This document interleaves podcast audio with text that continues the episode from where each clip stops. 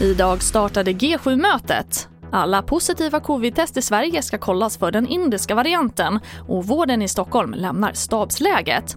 Ja, här är TV4-nyheterna som börjar med att ett ödesmöte för klimatet. Så beskrivs det tre dagar långa G7-mötet som nu inletts i brittiska Cornwall där miljöorganisationer hållit flera manifestationer idag.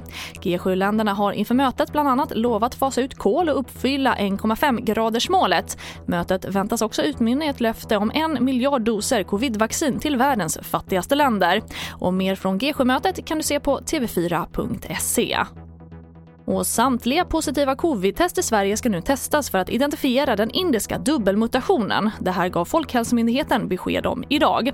Deltavarianten, som mutationen numera kallas, oroar eftersom den ses som klart mer smittsam än den nu dominerande varianten. Deltamutationen har upptäckts i 11 regioner i Sverige. Johan Karlsson, generaldirektör på Folkhälsomyndigheten.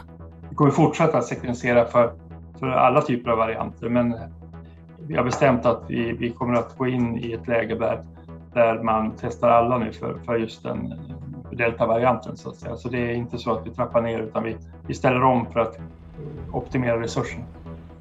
Och vi avslutar med att i Stockholm fortsätter antalet covidfall att minska i snabb takt och regionen återgår nu till normalläge i vården.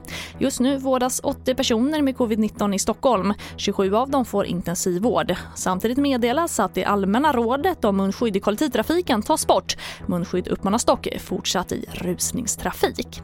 Och det får avsluta TV4-nyheterna och fler nyheter hittar du alltid på vår sajt tv4.se. Jag heter Charlotte Hemgren.